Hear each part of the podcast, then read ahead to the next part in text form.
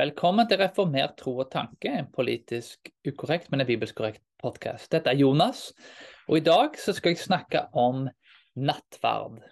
Jeg skal snakke om barnenattverd. Bør barn delta i nattverd før alder av seks år? Det er spørsmålet som jeg ønsker å besvare i denne episoden.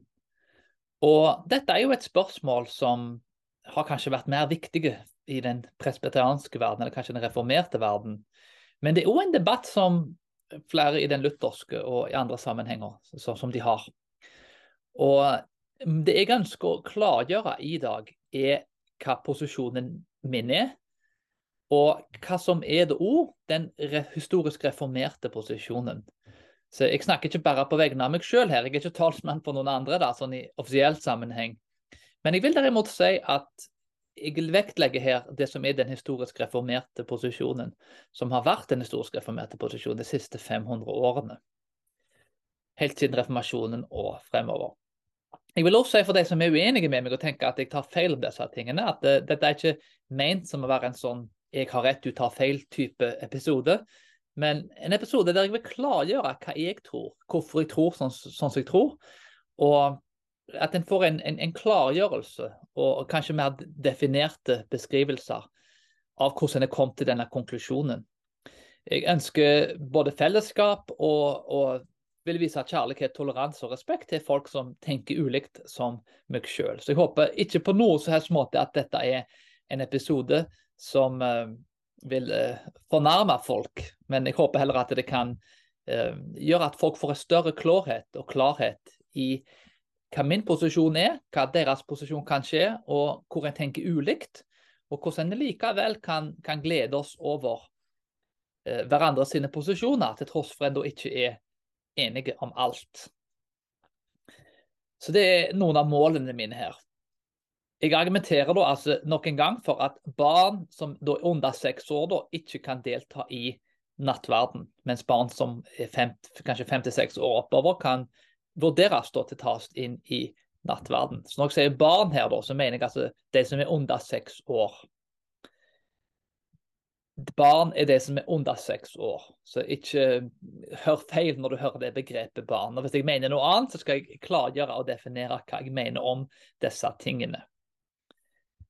Det er tre kriterier og tolkningsnøkler som jeg vil inn på når jeg vurderer disse tingene. Jeg vil først og fremst gå inn på Bibelen. Bibelen er den endelige autoriteten.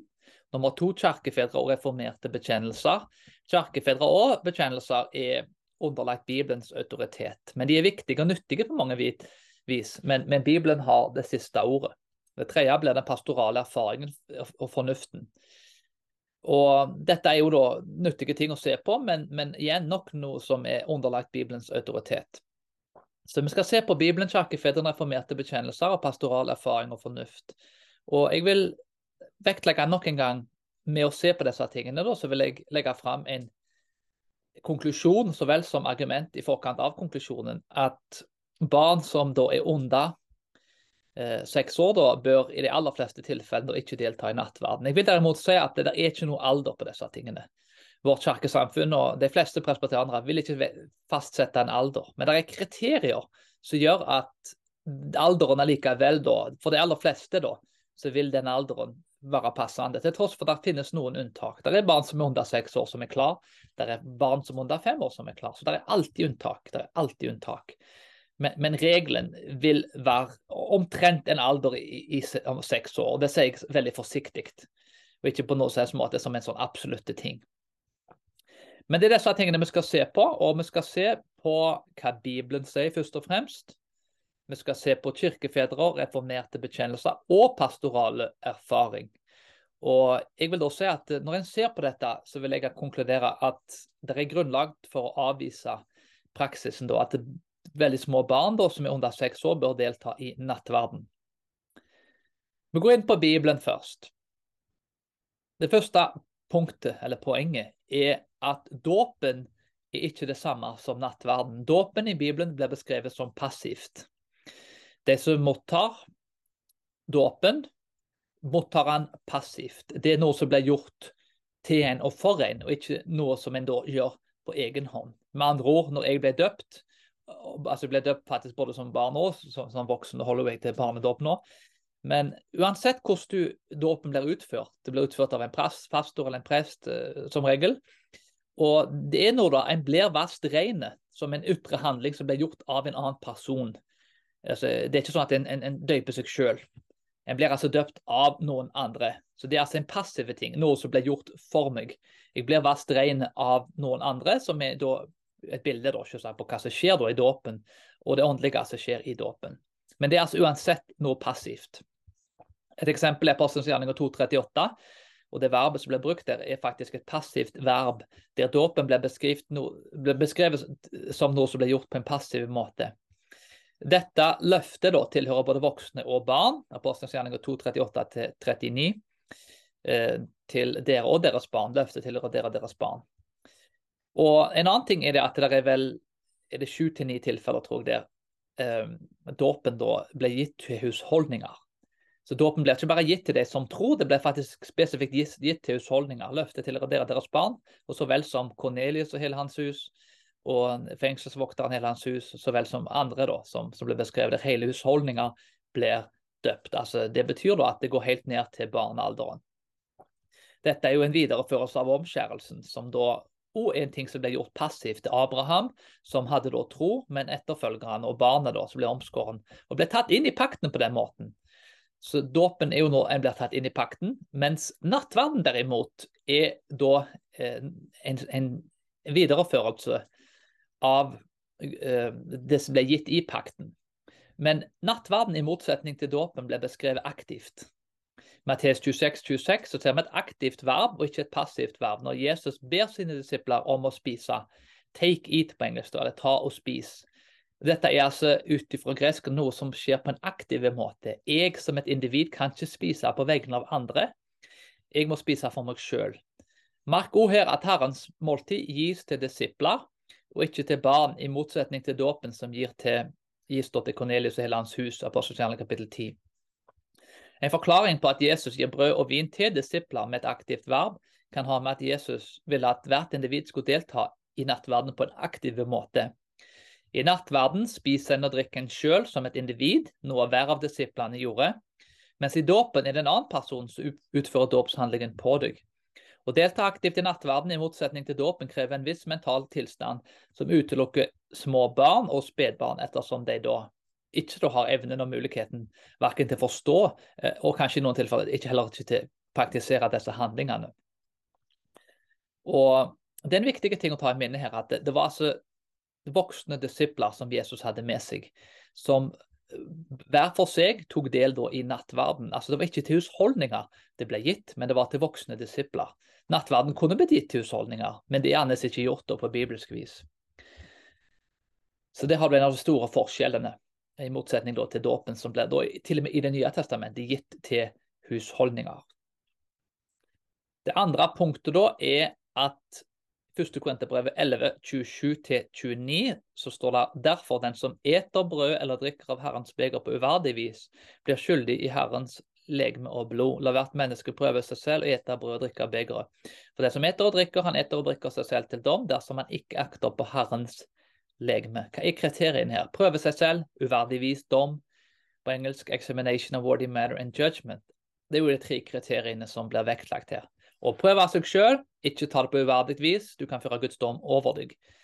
Dette krever nok en gang evne til å granske seg sjøl, og det er et krav til nattverden. Og merk at konteksten er individer som spiser og drikker, noe som er aktivt, ikke passivt. Spedbarn og veldig unge barn kan ikke granske seg sjøl. De kan ikke ha nok forstand til å forstå at de kan føre Guds dom over seg. Og de kan heller ikke vurdere om de gjør det på verdig eller uverdig vis. Derfor kan de ikke delta i dette sakramentet da, før de har utvikla den forstanden. Det er sant at første Korinterbrevet kapittel 11 handler om enhet. Det er vel egentlig sant om de aller fleste brevene til Paulus, at i en eller annen grad så handler det om da, å, å, å sørge for at kirka får mer enhet. Men kanskje spesielt da kapittel 11 og Korinterbrevet som helhet handler om å forene en kirke som er preget av, av, av intern stridighet og splittelse. Men det er ingenting i veien for at kapitlet tar opp et spørsmål og det jobber for enhet, i tillegg til å vektlegge at ethvert individ må granske seg selv. Det ene trenger ikke utelukke det andre. og Jeg har undervist gjennom dette kapitlet. Og jeg er veldig overbevist om at det er begge deler. Det ene igjen trenger ikke ekskludere det andre. Det handler om å bygge opp enhet i kirka. Og det handler om å vektlegge de kriteriene, nettopp fordi ja, hvis folk tar, tar nattverd på uverdig vis, så vil det faktisk bringe manglende enhet til kirka. Så det er altså begge deler. Og mange kapitler i Bibelen er med å peke mange ting. Det er ikke bare én eksklusivt én ting som Paulus prøver å løse i menighetene.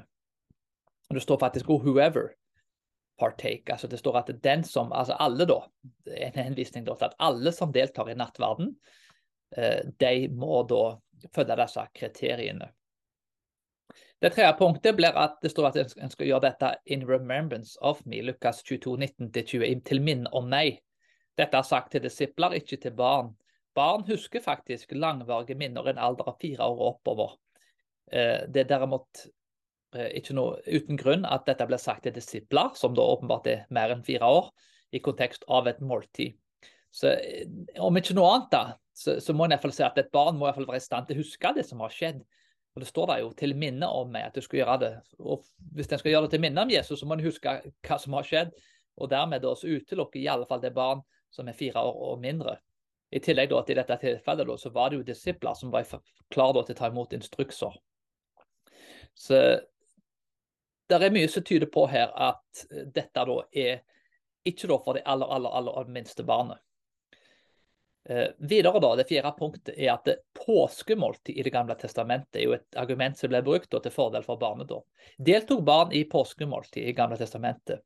Roger Beckwith argumenterer for at barn ikke deltok i måltidet. Richard Bacon argumenterer for at unge barn ikke deltok i nattverden. Og av, et av argumentene som ble brukt her i andre Mosebok, kapittel 12, vers 26-27, står der og når deres barn sier til dere hva er meningen med denne skikken, da skal dere si det er påskeoffer til Herren som gikk forbi Israels barns hus i Egypt og sparte våre hus da han slo egypterne, og folket til, bøyde seg ned og tilba. Denne teksten ble brukt av reformatorer for å vise at katekisme er nødvendig før barn deltar i nattverden. Veldig vanlig på 1600-tallet for reformatorer å argumentere på den måten, og da brukte de dette bibelverset. Det derimot er ikke klart at barn deltok på påskemåltid, altså det vil da si i det senere ritualet som ble praktisert i etterkant. De lærde er delt om dette. Ritualet, altså ikke den opprinnelige på, altså, påskemåltid andre Mosebok kapittel 12. Eh, senere ritualet var for menn, som kunne for, eller unge gutter da, som kunne forstå. Apostelskjernen kapittel 12. Eh, vi ser femte Mosebok eh, kapittel 16 virker til å være med og peke mot denne typen ting. Jesus kommer til tempelet i påskemåltidfeiring i en alder av tolv, regner de lærde med. Lukas 12 blant annet, så ser vi det at uh, Jesus er sannsynligvis rundt kanskje en 12-13 år. Jødene har jo i dag bar mitzvah, som er overgangen til å bli en mann med mer rettigheter og personlig ansvar. Det er altså ikke uvanlig i Bibelen at flere funksjoner er knyttet til alder. Dette har, ser vi med levittene, vi ser det med David, uh, Fire Mosebok kapittel 4 vers 3. 2. Samuel 5,4. Døperen Johannes og Jesus Lukas 23 måtte vente før de fikk fullt ansvar og tjeneste. En annen interessant ting å bemerke er at når Israel kom tilbake til Babylon, så fornya Gud pakten med Israel Nehemia 8-10. De som deltok, var menn og kvinner, alle som kunne høre med forståelse. Nehemia 8-2. Så det er mye som tyder på her, om ikke noe annet, at eh, med påskemåltid om barn deltok, er noe som er veldig uklart. En kan egentlig ikke bygge opp hele argumentasjonen sin på det. For det er senere ritualet som blir praktisert, og det er jo det som kommer senere, som er med egentlig til å definere det som er tidligere. Eh, I Bibelen er det ikke alt som ble praktisert i andre Mosebok, som fortsetter videre, i, til og med gjennom, gjennom, gjennom Det gamle testamentet. Det er noen ting som blir forandra på, pga. at Guds åpenbaring er progressive da, helt fram til Det nye testamentet. Så Guds åpenbaring forandrer seg ut ifra det gamle helt inn i det nye. Eh, og det Det nye testamentet da, som avgjør hvordan ting da, hva det, hva det siste ordet er. Altså at Det nye testamentet skal tolke det gamle, ikke motsatt. Men uansett så må vi i hvert fall konkludere ut ifra hva som står i Bibelen her. Grunnen da til at Bibelen da argumenterer da for at barn da ikke skal ta del i nattverden, er at det er et aktivt verb for eh, nattverden, i motsetning til dåp. Det er kriterier i første Korinterbrev 11. Påskemåltid var gitt til disipler, og det er uklarhet om spedbarn og barn deltok i påskemåltid, altså det senere ritualet. Og Alt dette gir oss grunnlag for å si at nattverd til små barn, da, som er under seks år, kan utelukkes.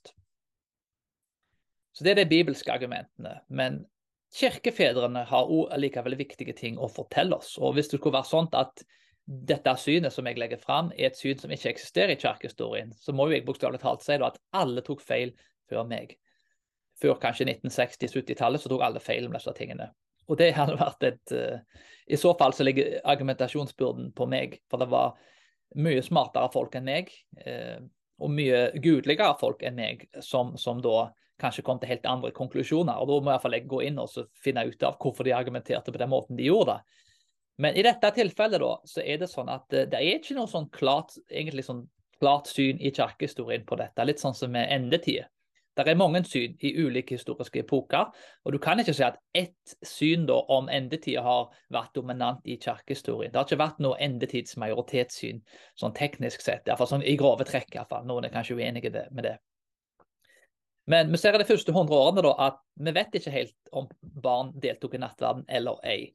Argumenter er verken for eller imot. Så ingen kan nesten si at i antikken så var det liksom et syn som var dominant. Det, det er det veldig vanskelig å argumentere for. Det ble derimot, altså Dette med at barn deltok i nattverden var vanlig da fra 3. til 4. århundre til det 11. århundre. da. Så da Ja, det ble kanskje da i ja, kanskje, kanskje 900 år ca. Eh, så var det majoritetssynet. Dette med at barn skulle delta i nattverden. I den østlige ortodokse kirka ble det praktisert helt fram til i dag at barn deltar i nattverd.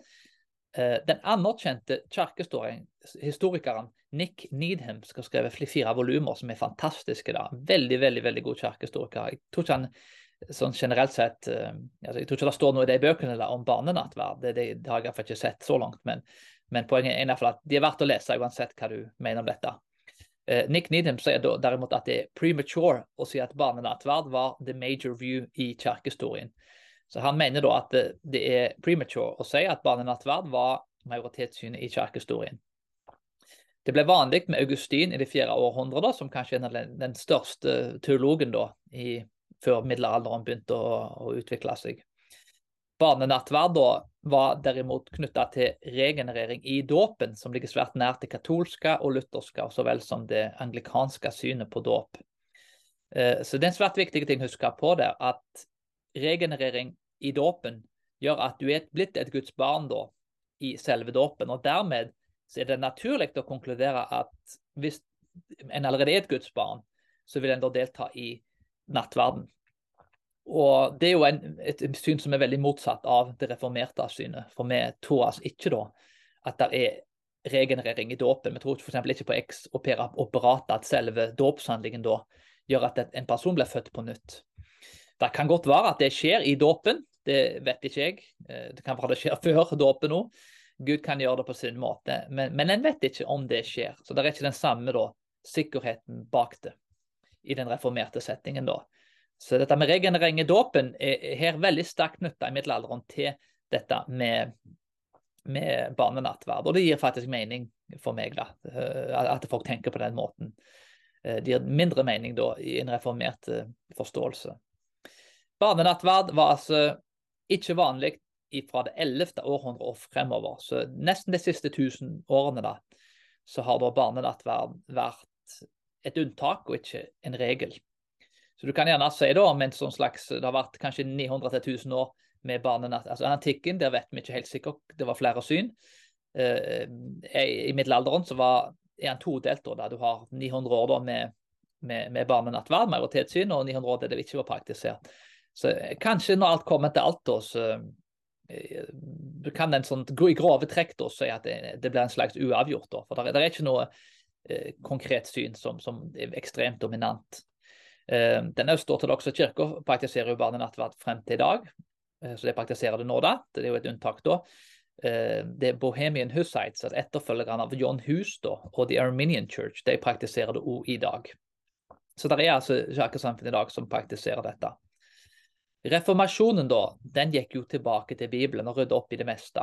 Og Det er svært viktig å huske med reformatorene at reformatorene var, var, var ikke bare opptatt av å følge Bibelen, som var den endelige autoriteten, men de var òg veldig opptatt av å følge kirkefedrene. Antikken, da, altså før middelalderen, eh, viska vekk mye av, av den gode teologien. Eh, så, så, For reformatorene så var det veldig viktig å gå tilbake til den tidligere kirka, så vel som først og fremst til Bibelen.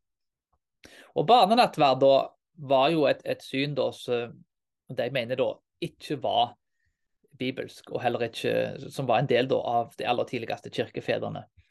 Eh, så De siste 500 årene da, så har altså den reformerte historiske posisjonen både i kirkehistorien og i bekjennelsene er at barnenattverd da var noe reformatene argumenterte mot.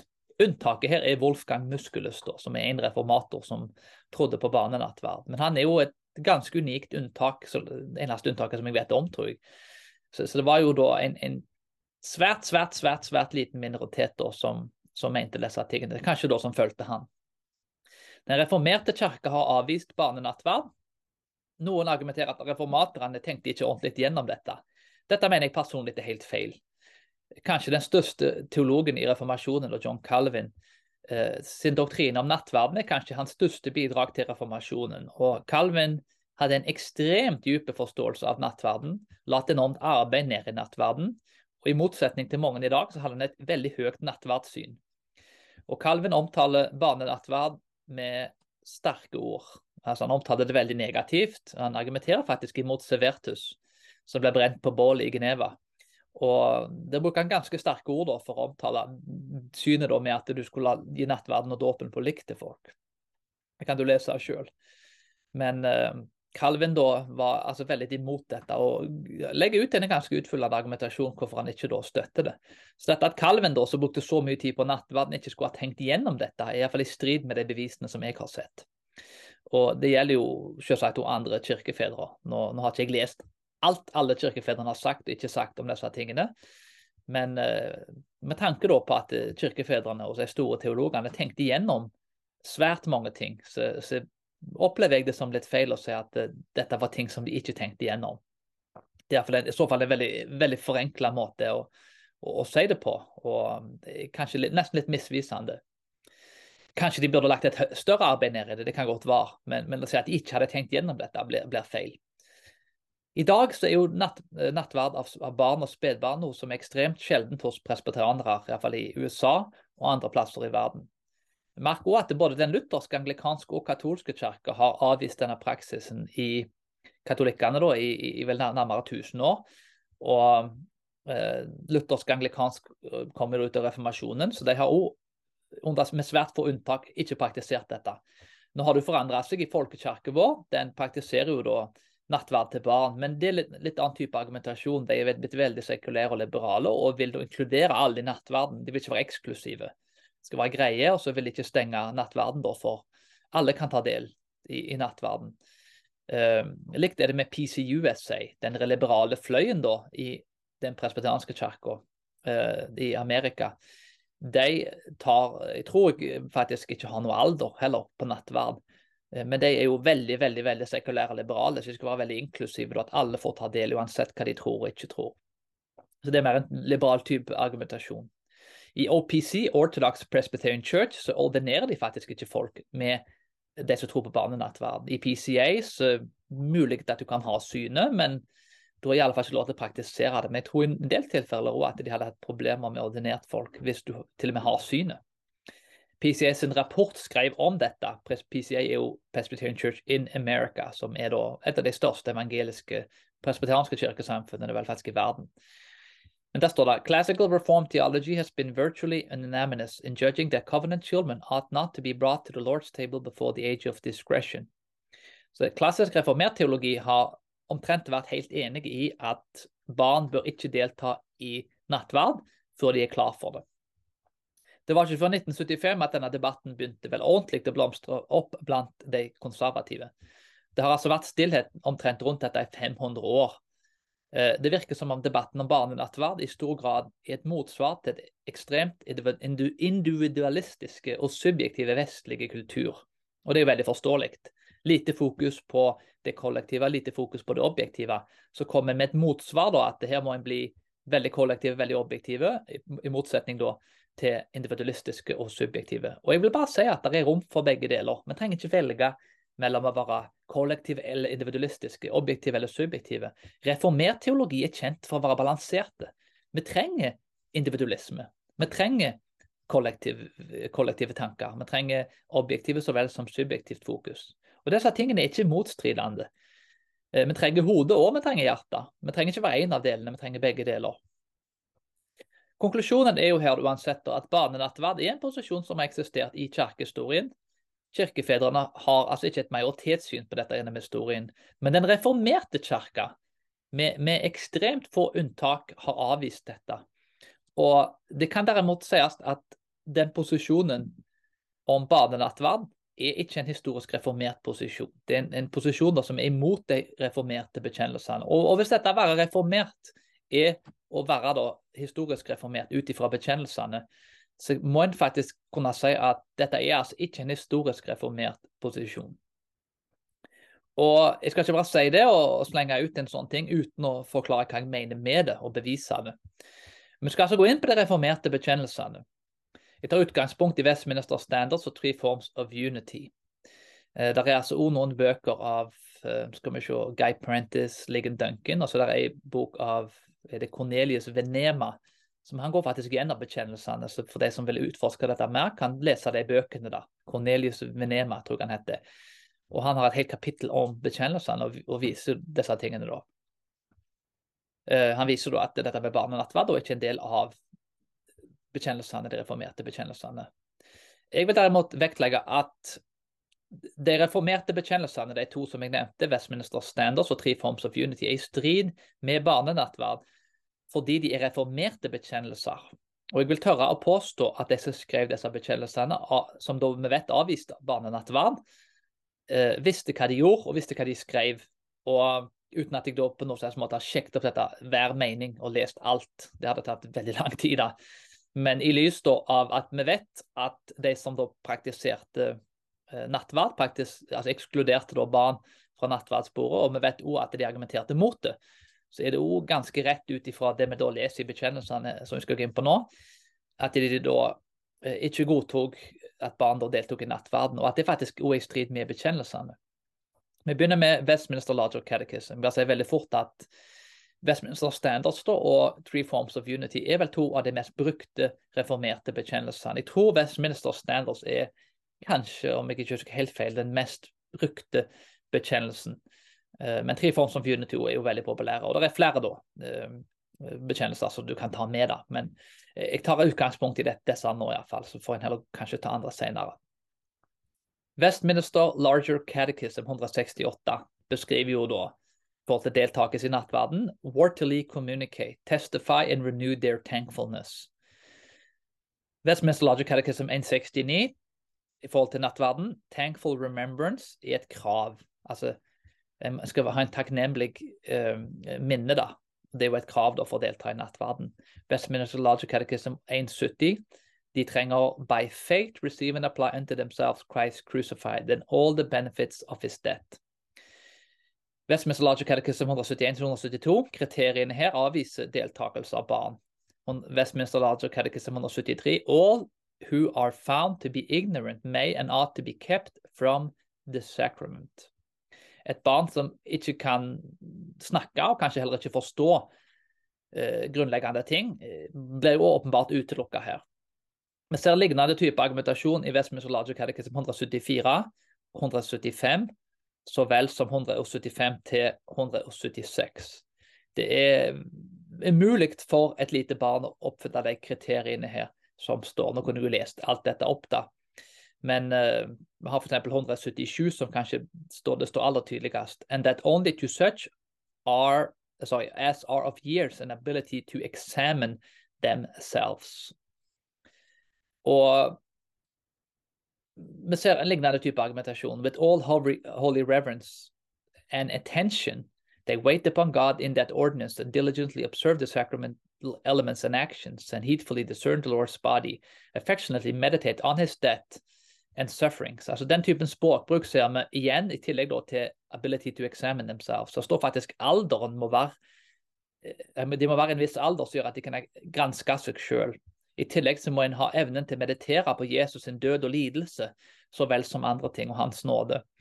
Eh, jeg kunne gått gjennom alt dette, men jeg vil anbefale folk å lese disse tingene sjøl og gjøre seg opp sin egen mening. Men, men det er iallfall åpenbart at et lite barn kan ikke oppfylle disse kriteriene. Og Sånn har det blitt forstått ord av den reformerte tradisjonen og praksisen. Videre i Westminster Confession of Faith, som er vår bekjennelse, da, kapittel 27, 1, sakramentet står der det handler om å bli confirm our interest in him, bekrefte interessen i Kristus. Uh, kapittel 27, 3, det er a promise of benefit to worthy receivers, verdige mottakere. Uh, Westminster-bekjennelsen kapittel 21, for the perpetual remembrance of the sacrifice of himself in his death, the sealing all benefits thereof, and to true believers, their spiritual nourishment and growth in him, their further engagement in and to all duties which they owe unto him, and to be bond of pledge of their communion with him and with each other as members of his mystical body. Vestminsterbekjennelsen 29.8. De ignorante kan ikke ta substansen i nattverden, men bare elementene. Og i 29.8 så står det at, til å si at en ikke kan delta i nattverden om en er ignorant. Så vi ser bekjennelsen egentlig bare bekrefte det Larger Catechism faktisk sier. Og vi ser i Shorter Catechism, som kanskje er den korteste av, av katekismene her, og, og, kanskje den korteste oppsummeringen generelt sett av alt dette. I Shorter Catechism 96 Worthy receivers are not after a corporal and carnal manner, but by faith made partakers of this body and blood with all its benefits to their spiritual nourishment and growth in grace.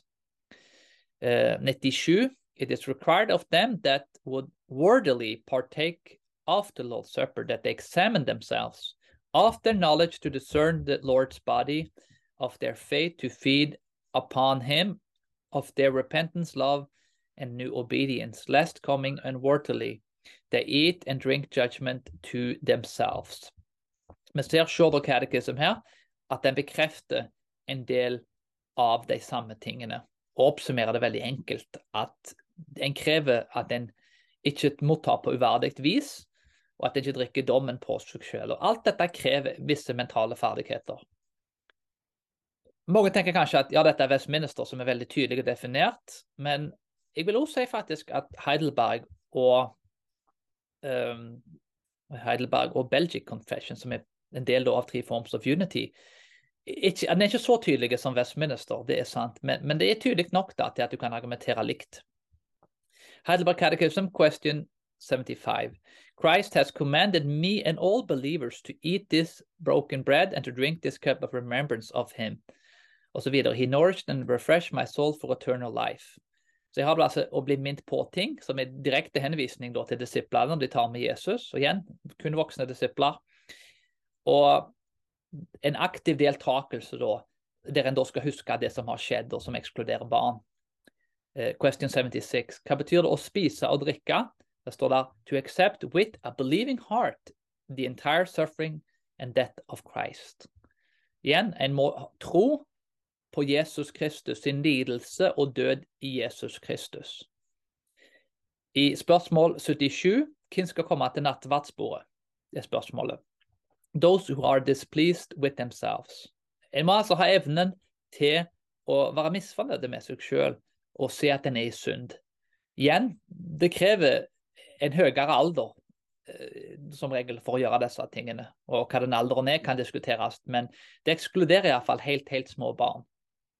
Ser But whoever nevertheless trusts that their sins are pardoned and their remaining weakness is covered by the suffering and death of Christ, and who also desire more and more to strengthen their faith and to lead a better life.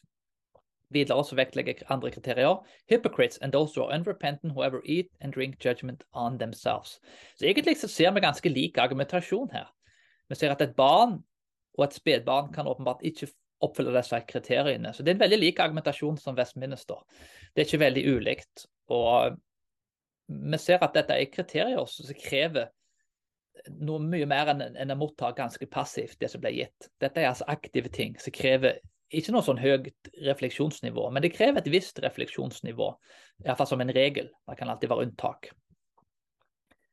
Men vi går opp inn på Belgic Confession, som er en del av Three Forms of Unity.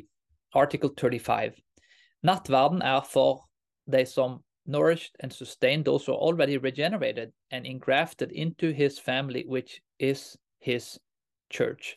Merk her at denne teologien som ligger i reformert teologi, at du blir ikke regenerert i dåpen i reformert teologi. Så who are already regenerated betyr ikke en person som er døpt. En person som er døpt, kan være regenerert, men han er ikke regenerert gjennom selve dåpen. Men, men, det er da altså en person som får ta del i nattverden, som da har blitt regenerert, og så det er frukter i livet til at en person er blitt regenerert. Så denne teologien som ligger bak dette, er en teologi som, som gjør at en person som er litt eldre enn et lite barn, kan delta i nattverden. Fordi da viser han frukter av at det, det løftene som ble gitt i dåpen, han er blitt regenerert. Eh, og, og, de fruktene er kommet inn i livet, og dermed så, så får en ta del i nattverden. Så det ligger altså en, en reformert teologi bak denne bekjennelsen. Baby- og barnenattverd virker da det har skjedd i lys av regenerering av dåpen i kirkehistorien, sånn som vi ser, som er veldig i strid med reformert historisk teologi, så vel som det de fleste presbyterianere mener og tror, iallfall ut ifra bekjennelsene. Vi har et løfte om frelse i dåpen, men ikke frelse i selve dåpen.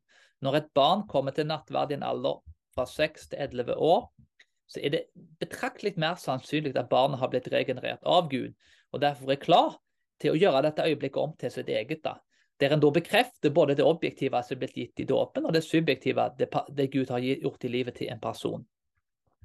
Videre så ser vi Jesus Christ who nourishes and maintains the spiritual life of believers when eaten. That is when appropriated and received spiritually by faith. Videre så ser vi he has communicated only to believers. Her ser vi at tror da, en tillit til Jesus Kristus, er et av kriteriene og dette sakramentet har en helt annen funksjon enn dåpen. Dette er ikke passivt, det er aktivt. Så den troen som ble beskrevet her, kan ikke være på vegne av foreldrene pga. at det er en aktiv tro, ikke passiv tro, i motsetning til dåpen. Så Det ligger en hel teologi bak disse bekjennelsene. Belgian Confession fortsetter med å se hvordan vi tar nattverd. With thanksgiving and a holy remembrance of the death of our Savior, and thus we confess our faith and Christian religion. Therefore, None should come to this table without examining themselves carefully. Når du leser alle disse kriteriene i Belgian Confession, så er det åpenbart at et lite barn ikke kan delta i disse tingene. Det er til og med en advarsel mot slutten. Therefore we reject as discretions of the sacraments all the muddled ideas and condemnable inventions that people have added and mixed in with them. Og Dette virker nesten til å være en advarsel mot de som ikke følger disse kriteriene. At vi blander inn ting som ikke er meint å være der. Et barn og spedbarn kan ikke oppfylle disse kriteriene. Og jeg tenker kanskje, ja, kanskje de ikke mente barn når de argumenterte for disse tingene. Og Den beste måten å finne ut av det på, er jo å finne ut hva mente han som skrev bekjennelsen. Faktisk argumenterer Zakarias Urinius, som da var bak Heidelberg-bekjennelsen og skrev den, var forfatteren. Han skriver på Commentary on Heidelberg at han, altså han er jo ikke i tvil om at kriteriene ovenfor i den, altså den bekjennelsen, den katekismen som han skrev, der argumenterer han mot altså barnenattverden. Så dette var en mann som vi vet ikke trodde da på barnenattverden. Så han som skrev bekjennelsen, var imot barnenattverden. Reformert historisk praksis og teologi er imot barnenattverden. Og kriteriene i disse bekjennelsene er imot barnenattverd. Jeg vil derimot da si at det er helt umulig nesten å kunne si at han har ment noe annet enn det som står i bekjennelsen. Vi vet hva som ble praktisert, vi vet hva han som skrev han trodde, vi vet hva reformert praksis er, vi vet hva reformert teologi har å si om disse tingene. Og dermed da så må en konkludere nesten at han var veldig tydelig imot dette, og dette kom ut i bekjennelsen. Teologen Joel Beakey har oversatt 'Three Forms of Unity', og jeg vet ikke hvor mange bøker han har skrevet, men kanskje det er 100 bøker. Veldig god teolog som da er vel mer tilknyttet den nederlandsk reformerte tradisjonen. Han har oversatt Three Forms of Unity til engelsk, og er en person som mildt sagt kan sies å være en meget meget kunnskapsrik mann i alle ting nesten som har med teologi å gjøre, men òg med dette med bekjennelser. Og Joel Beakey, da, det blir skrevet om han her, as Joel Beakey argues in this volume, the 16th century reformers and their heirs, well aware of the practice of paedo communion, and decidedly rejected it on biblical grounds. No historical Reformed confession espouses paedo communion, and many Reformed confessions expressly preclude the practice. The paedo communion is a new kid on the block within the Reformed community. It does not, of course, make this practice wrong. It does, however, lay the burden on the advocates of paedo communion to show precisely what is that the centuries of Reformed reflections have missed nearly unevocal rejection of the practice. Så Joel Beakey er en person da, som har mer kunnskap om bekjennelser og, reformert teologi enn de fleste. da. Og Han mener jo da at dette er i strid med uh, disse bekjennelsene. En annen teolog, Cornelius Venema, skrev en veldig god bok om dette med peidokommunien. Og han oppsummerer sitt studium. The uniform testimony of the Reformed confession is that though the children of believing parents ought to be baptized as a sign and a seal of their incorporation into Christ, they may receive the sacrament of the Lord's Supper only on an attestation of their faith in the gospel promise. Even though these confessions do not expressly reject paedo communion, their general understanding of the nature and purpose of the sacrament stands opposed to this practice. Det oppsummerer han da ut ifra sine studier. Mathison, som har skrevet en bok om nattverden, The Lord's Supper, er kanskje en av de mest kjente bøkene som ble brukt på iallfall blant de konservative reformerte på institusjoner, da, presbytanere spesielt. Jeg måtte lese denne boken på Westminster Theological Seminar der jeg studerte. Men dette er altså det R.C. Sproul kaller da gullstandarden for uh, nattverd. Hvis du vil lære hva reformert nattverd bør være, så er dette boka. da, Presbytansk nattverd kanskje spesielt bør være, så er dette da ifølge R.C. Sproul gullstandarden denne mannen da, som har gjort et veldig omfattende studie på dette, sier there can be no question that the traditional confessional position of the Reformed churches has been opposed to, opposed, uh, to pedocommunion. Side 315, da, hvis du vil finne det. Det er en annen som skriver da, uh, på Heidelblogg, som er Scott Clark, da, som er en, en person Jeg støtter ikke alltid den re, tydelige og spissformulerte måten som han legger ting fram på. Men uh, han er jo en person som kan veldig mye da om uh, Heidelberg Catechism og, og Three Forms of Unity. Og er professor veldig historisk teologi, om jeg ikke husker helt feil. Men han sier jo da It is also worth noting that it is beyond doubt and admitted by all intelligent proponents of paid communion that the Reformed churches do not and never have confessed paid communion. It is a fact that the Reformed churches were aware of the theology and practice of paid communion as they formed their confessions and practice of the supper. Og Vi kan avslutte faktisk med forfatteren av Heidelberg, Zacharias Urinius, skriver ord. Infants are not capable of coming to the Lord's Supper because they do not possess their faith actually, but only potentially and by inclination.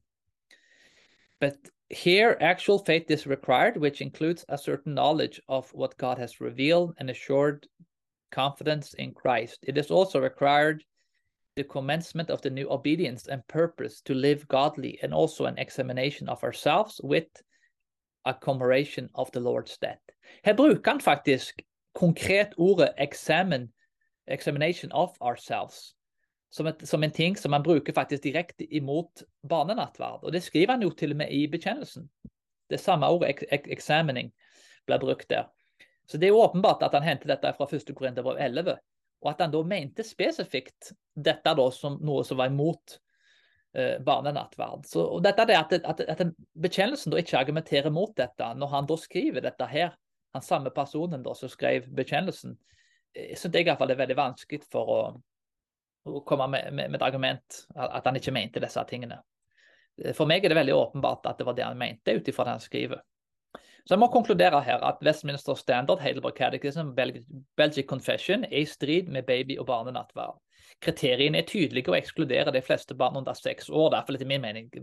Bekjennelsen sier ikke seks år, så det, det, er noe jeg legger til på egen hånd.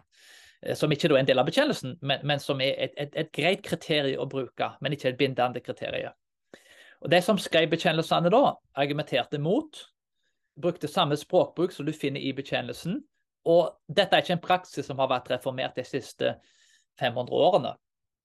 Og dermed da så, så ligger den store bevisbyrden på at de reformerte bekjennelsene er konsekvent med eh, det som står, er, ligger på de som argumenterer for barnenattverd. Og dermed da så vil jeg si at bekjennelsene er i strid med barnenattverd. Og Det bringer oss til det neste punktet. Uh, jeg vil bare si noe veldig kort om barns utvikling. Uh, jeg kunne gått inn på mange ting her, men på, altså, hva er det som gjør at jeg er kommet til en alder av seks? Og Sannheten er at jeg er ikke nødvendigvis sikker på at en alder av seks er den rette alderen. Så jeg er ikke bonden til den alderen. Der står ikke noe alder. Uh, credible confession of fate, vet jeg, International perspective bruker som et kriterium. Men noe som kan være viktig å ha i minne, i hvert fall, er at logikk blir vanligvis lært til barn når de er 10-11 år oppover. Er et studie, da, klassisk utdannelse som heter trivium, som er da grammatikk, logikk og retorikk. Altså Du husker ekstremt godt når du er helt unge. Eh, grammatikken lærer du når du husker godt. Logikken eh, lærer du da når hjernen utvikler seg mer logisk, en alder da fra 10 til 11. Så altså, I en alder til 10 til 11 så kan et barn begynne å tenke rasjonelt og logisk, og lære seg logismer og den typen ting. Mens i etterkant av det så lærer en retorikk da, for å formulere disse tingene ordentlig. Så evnen altså, til å tenke logisk kan da læres effektivt bort i en alder av 10-11 år. Så et barn kan faktisk ikke ordentlig reflektere og, og, og, og tenke rasjonelt og logisk ut ifra logismer eh, før altså de er 10-11 år. Ja, det er unntak. Det er noen som er mye tidligere. Det er alltid unntak i alle ting. Så Hvis en argumenterer ut ifra unntak, så kan en ikke lage noe som helst argumenter. Det er reglene jeg er ute etter, ikke unntaket. Barn begynner på skole når de er seks år. Det er en annen ting. Som grunnen til at jeg havna på seks år, at de kan ta imot instrukser, de kan lære. Det er mange som argumenterer for at barn bør begynne når de er sju. Det gjør de i Finland, og de har bedre utdannelse enn oss. Men, men det er for så vidt en annen ting igjen. Men, men før du er seks, så, så, er det vanskelig for et barn kanskje å sitte på en skolebenk eh, på samme måte som de kan gjøre når de, når de blir litt eldre. Så De tar mot instrukser på en mer effektiv måte, og du kan lære ting i, i, i en sånn setting. Og Derfor er en alder av seks ikke den dummeste alderen å begynne med. Vi kan gå inn på andre ting i forhold til et barns utvikling. Men det er iallfall svært vanskelig å argumentere for at et barn som, som er ja, to-tre år gammel, f.eks., eh, kan, kan ha nok refleksjonsnivå til å forstå og, og oppfylle kriteriene som en da finner både i 1. Korint 11 så vel som i bekjennelsene. Så det er veldig kort om det. da. Så jeg mener da at en alder seks er en nyttig alder. Det er ikke nødvendigvis en sånn bindende alder. da. Det finnes unntak, og det er noen gode argumenter selvsagt, for at kanskje det ikke bør være alder seks. Og det, jeg er ikke imot de argumentene. Så jeg sier det er veldig løst når jeg sier en alder av seks. Og jeg ville ikke satt en aldersgrense, bare så det er sagt da, klart og tydelig. Men det bringer oss til det tredje punktet, da. Det blir kanskje teknisk sett altså, fjerde punktet, da. Men uh, det er jo dette med pastorale utfordringer, erfaring og fornuft. Det er flere argumenter her som jeg vil gå inn på. Det er dette med kontinuitet. En viktig tolkningsnøkkel er at vi lar Det nye testamentet tolke det gamle, og ikke motsatt. Barne- og spedbarnsnattverd oppleves for meg som at en prøver å tolke Det gamle testamentet inn i det nye, i plassen for at en lar det nye eh, forstå og, og, og, tolke det gamle. Det blir et enormt fokus på kontinuitet. Og Jeg er ikke imot kontinuitet, bare så det er sagt. Men en kan risikere å gå fra husholdnings- og dispensasjonalisme, altså gå fra den læra til at en går til at det blir hopp i motsatt kreft. At det blir så mye kontinuitet at til slutt blir en egentlig en gammeltestamentlig en, en, en, blir en, en, blir en jøde, da, nesten, nesten bokstavelig talt. da. At det blir så mye fokus på de tingene da, at en lar det gamle egentlig styre det nye, plassen for å la det nye styre det gamle. Og at Det gamle testamentet faktisk får et forrang over det nye. Der Det gamle testamentet blir enda opp faktisk med å tolke det nye plassen for motsatt. Det eksisterer diskontinuitet her i, i mange ting. Det eksisterer jo heldigvis kontinuitet i mange ting. Men det er altså diskontinuitet mellom, mellom uh, dette da med, med påskemåltidet så vel som med nattverden. Det er diskontinuitet mellom omskjærelse og, og dåp så vel som omskjærelse og påskemåltid. Omskjærelse var da for alle gutter, f.eks., men påskemåltidet ble ikke feira før senere i Israel, nære da tempelet i Jerusalem. Og Unge barn var derfor automatisk ekskludert, da, ifølge bl.a. teologen Herman Bavink. Nå er det en diskusjon da, om de ble ekskludert eller ei, mm, delte meninger om akkurat det. og Jeg klarer kanskje ikke å si sånn absolutt hvordan det bør være. Men det er en viss former for diskontinuitet. Når det kommer til omskjærelse, f.eks., så ble jenter ekskludert. Men de inkluderte voksne mannlige slaver som bodde da f.eks. i Abrahams hus. Dåp derimot inkluderer kvinner, men ekskluderer mannlige tjenere som bodde under samme tak, uavhengig av mesterens autoritet over dem. Så I Nye testamentet da, så må en voksen person i Nye testamentet han må ha tro for å bli omskåren. Mens Abraham sine slaver, eller tjenere, de hadde ikke da behov for tro, iallfall sånn som jeg ser det, da, uten at jeg kan si det sånn krystallklart at det er sånt. Der er så uansett diskontinuitet. Alt er ikke likt fra det nye til det gamle. I det gamle så var kvalifikasjonen å spise, spise og, og, og, og, drikke. I Nye testamentet så er det å granske seg sjøl sentralt. Eh, evnen til å spise og drikke kvalifiserer ikke på samme måte som det gransker seg sjøl. Her er det forskjell mellom det gamle og det nye testamentet. Og det er visst da ritualet godtok at um, barn, da, små barn, deltok. Det er ikke noe, nødvendigvis noe sånn overveldende beviser på at skjedde. Påskemåltidet i GT og i Gamle testamentet er òg en årlig ting. I Nye testamentet så skjer det oftere da i kirka. Noen argumenterer for at det bør skje eh, hver søndag. At det bør ha nattverd hver søndag. Så det er åpenbart at vi feirer ikke nattverden en gang i året. Og Hvis vi skal gå, ha full kontinuitet, da, så er det sånt en bør tenke. Svært få utenom presbyterianere i Skottland de argumenterer for nattverd en gang i året. Men det er altså diskontinuitet her, da. Eh, fra det nye til det gamle. En annen relevant ting å si er at lutheranere og katolikker tror at elementene i nattverden produserer da visse typer resultater i personen, altså ex opera operata. Ikke alle lutheranere tror dette, men noen gjør det. Uavhengig av personen har tro eller ei, så mottar en likevel da Kristus, mener da noen lutheranere og, og katolikker. Eh, de, de, tror ikke det samme, da, de tror forskjellige ting der, men, men litt av samme argumentasjonen. da, til tross for ikke alt er likt. Men også reformerte så må personen ha tro, og personen må altså ha en aktiv deltakelse altså ved hjelp av tro da, i sakramentet for at det skal fungere. Så I en luthersk og katolsk, og for så vidt kanskje anglikansk teologi, så er det mye mer konsekvent med en nattverdsforståelse der en da inkluderer barn. Men i en reformert teologi så, så er det vanskelig synes jeg, å argumentere konsekvent for dette. Videre så vil jeg vektlegge dette med subjektiv, objektiv, kollektivt og individualistisk. Jeg har vektlagt dette her litt fra før, men jeg skal si det igjen. da. Reformert teologi er kjent for å være svært balansert. og Om det er én ting som kjennetegner Calvin om nattverden, så er det nettopp dette at det er en ekstremt logiske og balansert forståelse av nattverden. Nattverden gis objektivt og mottas subjektivt av hver enkelt person. Det skjer kollektivt som kirke, der hver person deltar i nattverden som et individ, Spedbarn og barnenattverd fjerner i stor grad eller reduserer viktigheten av det subjektive så vel som det individualistiske. Det vil aldri være et tidspunkt der et barn gjør troen om til sin egen. En blir i stor grad en utvidelse av et kollektivt og et objektivt valg som foreldrene har tatt for en. Jeg forstår at vår hyperindividualistiske og subjektive kultur trenger å møtes med balanse, men svaret bør da være ikke å avvise alt som er subjektivt, men heller å ha begge deler. Baptister løser dette med dåp, og presbyterianere gjør det med nattverd. At barn gjør troen om til sin egen gjennom å delta i nattverden eller katekismeundervisning i flere måneder, er et helt spesielt øyeblikk både for barn og foreldre. Løftet om frelse i dåpen er nå blitt realisert, og fruktene blir vist i livet til den personen det gjelder. Dette henger sammen med den reformerte forståelsen av dåp.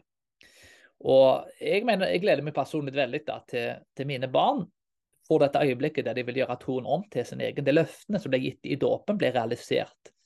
Og fruktene for de løftene blir, blir, blir vist i nattverden. Og Det er et øyeblikk som jeg gleder meg til. Og et øyeblikk som jeg vil at jeg skal huske sjøl. Du er ikke en kristen fordi jeg er en kristen, men du er en kristen fordi du har gjort dette om til ditt eget. Så det valget jeg tok, åpenbart har påvirka mine barn, forhåpentligvis. Men det er de som må gjøre dette om til sitt eget. Det er jo ikke veldig ulikt dette med å være en statsborger. Jeg valgte ikke å være norsk, men jeg valgte om jeg vil fortsette å identifisere meg som norsk i voksen alder, eller når jeg ble litt eldre. I tillegg til det så fikk jeg masse rettigheter som norske statsborger når jeg ble eldre. Jeg kan stemme når jeg er 18, jeg kan ta førerkort så vel som andre ting. Så rettighetene som norsk statsborger øker med alder, og det er òg vurdert ut ifra mentale ferdigheter. Og likt kan det være da i lys av nattverd og andre ting. Personlig så tror jeg nok ikke at det er en tilfeldighet at dagens lutherske kirke tar barn til nattverd. Den norske kirka vektlegger jo dette med bibelsk tro i liten grad. Men jeg mener jo personlig at det er mye mer konsekvent ut ifra en luthersk teologi enn en reformert teologi. En nedvurdering av det individualistiske subjektive gjør at presbyterianere i fremtiden kan faktisk ende opp som en folkekirke. Troen til foreldrene blir ens egen tro. En er vokst opp i en kristen familie, derfor er en kristen. Og Personlig så tror nok ikke jeg at eh, det er en bra ting å være i folkekirka. Folk er blitt kristne, men de er ikke nødvendigvis blitt kristne. Og Det har vært et stort problem i norsk historie. Det er svært mange som ble kristne, men det var ikke alltid så veldig mange som faktisk var født på nytt og ble kristne. Så det har vært et problem der. Et annet spørsmål blir dette med regenerering. Er et barn regenerert? Lutheranere og katolikker vil si ja. En blir Guds barn gjennom dåpen, ifølge dem. De sier det på forskjellige måter og kommer da med ulike dåpsforståelser, men sier den samme tingen da, og de mener litt forskjellige ting med det. Men vi som presbyterianere mener at det er løfte om frelse i dåpen, og ikke da et garanti om frelse i selve dåpen. Hvis vi eh, ikke vet om barnet er regenerert eller ikke, og ikke kan vite det i, altså i nærmeste fremtid, så, så, så, venter vi da til det øyeblikket da, før de skal ta nattverd, at de gransker seg selv, kommer til en forståelse av det løftet som er blitt gitt, og da senere deltar i nattverden. Og en velger ut av visse kriterier for disse tingene. Hvis en da gir både nattverd og eh, dåp da samtidig, f.eks., eller iallfall rett i etterkant av hverandre, eller før en har blitt litt eldre da, med nattverd, så oppleves det i stor grad som en presseregenerering på våre barn i plassen for å la Gud velge ut synet etter sin suverene vilje, der barnet i veldig stor grad kommer til den konklusjonen på egen hånd. Det må altså være visse frukter i livet til tilsier at de kan ta del i nattverden, for å vise at løftet er blitt effektivisert og realisert i livene deres. Det vil være svært naturlig, i likhet med folkekirken, å tro at den er kristne fordi foreldrene er kristne, en er medlem i kirka, og foreldrene har tatt dette valget for en hvis en da får automatisk deltakelse i nattverd, og etter ikke det kommer senere. Barnedåp og nattverd kan ironisk nok produsere akkurat de tomme resultatene med den tomme religiøsiteten som Jesus advarte mot i forhold til fariseere og det skriftlærde. Det blir et ritual og ei, folketro, ei folkekirke. Og ikke, tror der en person ikke bare blir kristne, men faktisk blir kristen. En trenger altså da ikke bli født på nytt for å se Guds rike. Det holder å være født i en kristen familie. Så egentlig, Det blir nesten som den fysiske fødselen. Det er nok for at den forblir kristen og får delta i alle Guds ting. Dette blir i praksis en videreføring av folkekirketeologien som produserer lunkne kristne. Jeg sier ikke at folk blir lunkne bare fordi at denne forståelsen ligger bak. Det sier jeg ikke. Men det er altså ett av mange bidrag. Det er mange grunner til at folk blir lunkne. Men dette er altså en av grunnene da, som kan produsere de resultatene. Videre så ser vi dette med kirkedisiplin. I lys av 1. Korinterbrev 11 så vektlegger da ekskludering av nattverden i lys av kirkedisiplin. Det er jo veldig vanskelig å disiplinere noen som ikke engang kan snakke, f.eks. Og det er jo umulig å, å, gjennomføre noe som helst form for disiplin før et barn blir eldre. Når vi snakker om disiplin, så er det da altså sagt, det er ikke noen sånn streng, harde ting her.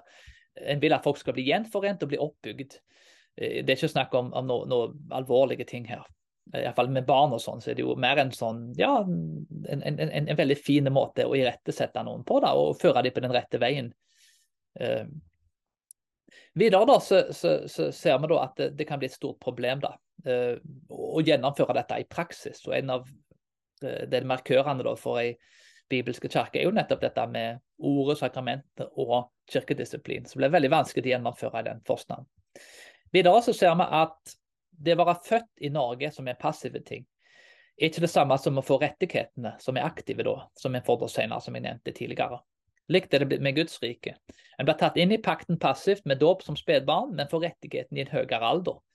En er likevel like kristent, og, og kanskje like norsk for den del, hvis en får rettighetene senere. Rettighetene jo, når, kommer jo da når, når forstanden blir større. Så alle disse tingene her er med å påpeke at er pastorale utfordringene, som da ikke er bindende og avgjørende, men de er heller ikke uviktige da, i lys av debatten. Det er òg en siste ting som jeg egentlig kanskje burde tatt opp, men jeg tror kanskje denne episoden egentlig har vært lang nok, nok som den er. Så jeg ønsker faktisk bare å oppsummere. Men jeg vil bare si veldig kort da, i forkant av det at Book of Church Order i PCA og IPC da, mener iallfall jeg personlig er i strid med barnenattverd. Og Det er mange grunner til det, men du kan se på BCO 57.5, altså Book of Church Order, kapittel 57.5, der en avlegger et ed. Der en kommer med ting at en bl.a. skal underordne seg kirka eh, sitt kirkestyre og study its purity and peace. Og Dette krever jo åpenbart i fall at barnet er større enn noen år gammel. Eh, så når en avlegger eden og blir et medlem, da, så kan en ikke oppfylle kriteriene. Da. En annen ting er at uh, vår Book of Church Order, kapittel 6, vers 1, vektlegger dette med communicant and non-communicant member. Og Det vil da si at et non-communicant member, altså før en tar del i nattverd, når en tar del i nattverd, så går en foran session blir opplært i, i hva nattverd er, og flere blir spurt, deler et vitnesbyrd kanskje foran forsamlingen. Og så blir han da communicant member. Uh, så det er et skille her mellom communicant og non-communicant member. Barnenattverd, og i alle fall spedbarnsnattverd, eller eller lite barn, da, er noe som tar det, tar det communicant og non-communicant member, og, og så fjerner det skillet. da. Dette er et skille da, som er en del av regelverket, iallfall til de aller fleste presbyterianske kirker. Ikke alle, da, men svært mange av de. Så Dermed da, så er det i strid med kirkebøkene. Det eksisteres ingen alder i Book of Church Order, verken i PCA tror jeg, eller de fleste andre presbyterianske kirkesamfunn. Men svært mye tyder på i fall at dette er da i strid altså barnenattverd er i strid med Book of Church Order. Og Dette er bøker da, som, eller regler da, som kirkesamfunnet faktisk er bonden av. Da. Du må følge disse reglene, ellers kan du faktisk bli disiplinert av kirkesamfunnet eller presbyterien. Og med det så vil jeg bare oppsummere alt jeg har sagt, veldig kort, da, og hva konklusjonen min er. Nå har sikkert folk en anelse hva jeg kommer til å si her, men jeg vil bare oppsummere ganske kjapt. Når det kommer til Bibelen, så er det passive verb på gresk. At vi skal granske oss sjøl, ta nattverden på verdig vis og bli minnet på Jesus når vi tar nattverden, og uklarhet rundt hvem som deltok på påskemåltidet. Vi ser at bibelske argumenter som dette gjør at en bør utelukke at små barn tar del i nattverden. Nummer to i forhold til kirkehistorien. Kirkehistorien har flere syn på nattverd. Det er ikke et majoritetssyn. Men kirkefedrene de siste 900 årene har ved visse unntak da, Østkirken bl.a. ikke da praktisert eh, barne- og babynattverd. I reformert kirkehistorie så er barnenattverd Det kan sies at dette er ikke en historisk reformert posisjon. Denne debatten har oppstått i nyere tid. De aller fleste presbetanere i hele verden praktiserer ikke barnenattverd den dag i dag. Noen gjør det, men ikke alle. Svært mange gjør det da ikke. da. Og De som gjør det, er som regel de som er veldig liberale. Nummer tre, de reformerte bekjennelsene Westminster Standards, Belgic Confession og Heidelberg vektlegger tydelige kriterier som ekskluderer nattverd for barn, små barn. Utviklingen her ser vi kan tilsies at, at små barn ikke har den mentale eh, altså, altså, har ikke den mentale ferdigheten eller refleksjonsnivået til at eh, de kan delta i nattverd, for kanskje da rundt en alder i seks år. igjen. Jeg sier at den alderen er kan åpenbart diskuteres, og jeg er veldig åpen for å forandre mening på akkurat det. Jeg skal ikke påstå det er bastant. Men, men, men pga. dette her da, så, så, så, må en i hvert fall i det minste si at det, det, må være et visst refleksjonsnivå. Og hvor høyt det bør være, er en, en ting en kan diskutere. Nummer fem, kontinuitet og diskontinuitet. Balanse mellom subjektivt og objektivt. Og problemet med regenerering gjør at det eksisterer reelle pastorale problemer med spedbarns- og barnenattverd. Nummer seks, barne- og babynettverd er i strid med PCI-PCOPC sin Book of Church Order, så vel som mange andre store presbyterianske kirkesamfunn. Svært mange presbyterianske kirkesamfunn i verden blir styrt med ganske lignende regler. Det er noen forskjeller selvsagt internt. Og om en da likevel konkluderer kanskje motsatt av det jeg har konkludert, så kan en likevel ikke komme foruten at barnenattverd når en argumenterer for det, så setter en seg opp imot svært sentrale bibelske argumenter om, omtrent hele den historiske reformerte tradisjonen, de store reformerte teologene, de reformerte bekjennelsene. Og i veldig stor grad da, så sier en da bokstavelig talt at de som skrev bekjennelsene, var imot barnenattverd. De praktiserte det motsatte av barnenattverd. Men jeg må da si det hvis en argumenterer for barnenattverd, at da, de, de, mente jo noe annet enn de, enn de sa, enn de praktiserte. Og det er veldig vanskelig å argumentere for, med tanke på at vi vet hva de mente om denne saken. En utsetter seg for svært store pastorale utfordringer i tillegg til dette, og risikerer da å bidra til å skape en folkekirke. I tillegg til dette så er denne praksisen i strid med Book of Church Order i, i fall PC, OPC, IPC, altså Presbyterian Church in America, Orthodox Presbyterian Church og International Presbyterian Church. Så vel som mange andre presbyterianske kirkesamfunn i verden. Så dette er da en, en posisjon i fall, som, som, har gode bibelske argumenter. At uh, barn da, seks år oppover da, bør delta i nattverden. Det er støtte av kirkehistorien, og det er iallfall som halvt om halvt, 50-50. Og så er det åpenbart støtte av den reformerte tradisjonen av kirkehistorien så vel som de reformerte betjenelsene. I tillegg til at de pastorale utfordringene som kommer, er alvorlige nok til at eh, en, en skaper i hvert fall åpenbart store problemer med å da ta barn til nattverd. For å avslutte med dette her, så vil jeg si at Mathison har skrevet en bok om nattverd, som jeg allerede har nevnt. og Han sier da om nattverden han er overbevist om nattverd, at det bør skje litt senere. Han er nok ikke en av de strengeste på dette. da. Men uh, han skriver da i boka om Lord Supper at i forhold til de som da vil at små barn skal delta i nattverden, han skriver First of all, they should absolutely refuse to give in to the temptation to split the church. The Lord's Supper is a sacrament of unity and oneness. To ignore this aspect of the sacrament by starting a new denomination in order to observe another aspect of it is self-contradictory. Og Det er en veldig viktig ting å ha i minne. da. Uansett hvor en skal havne på denne diskusjonen, på denne debatten.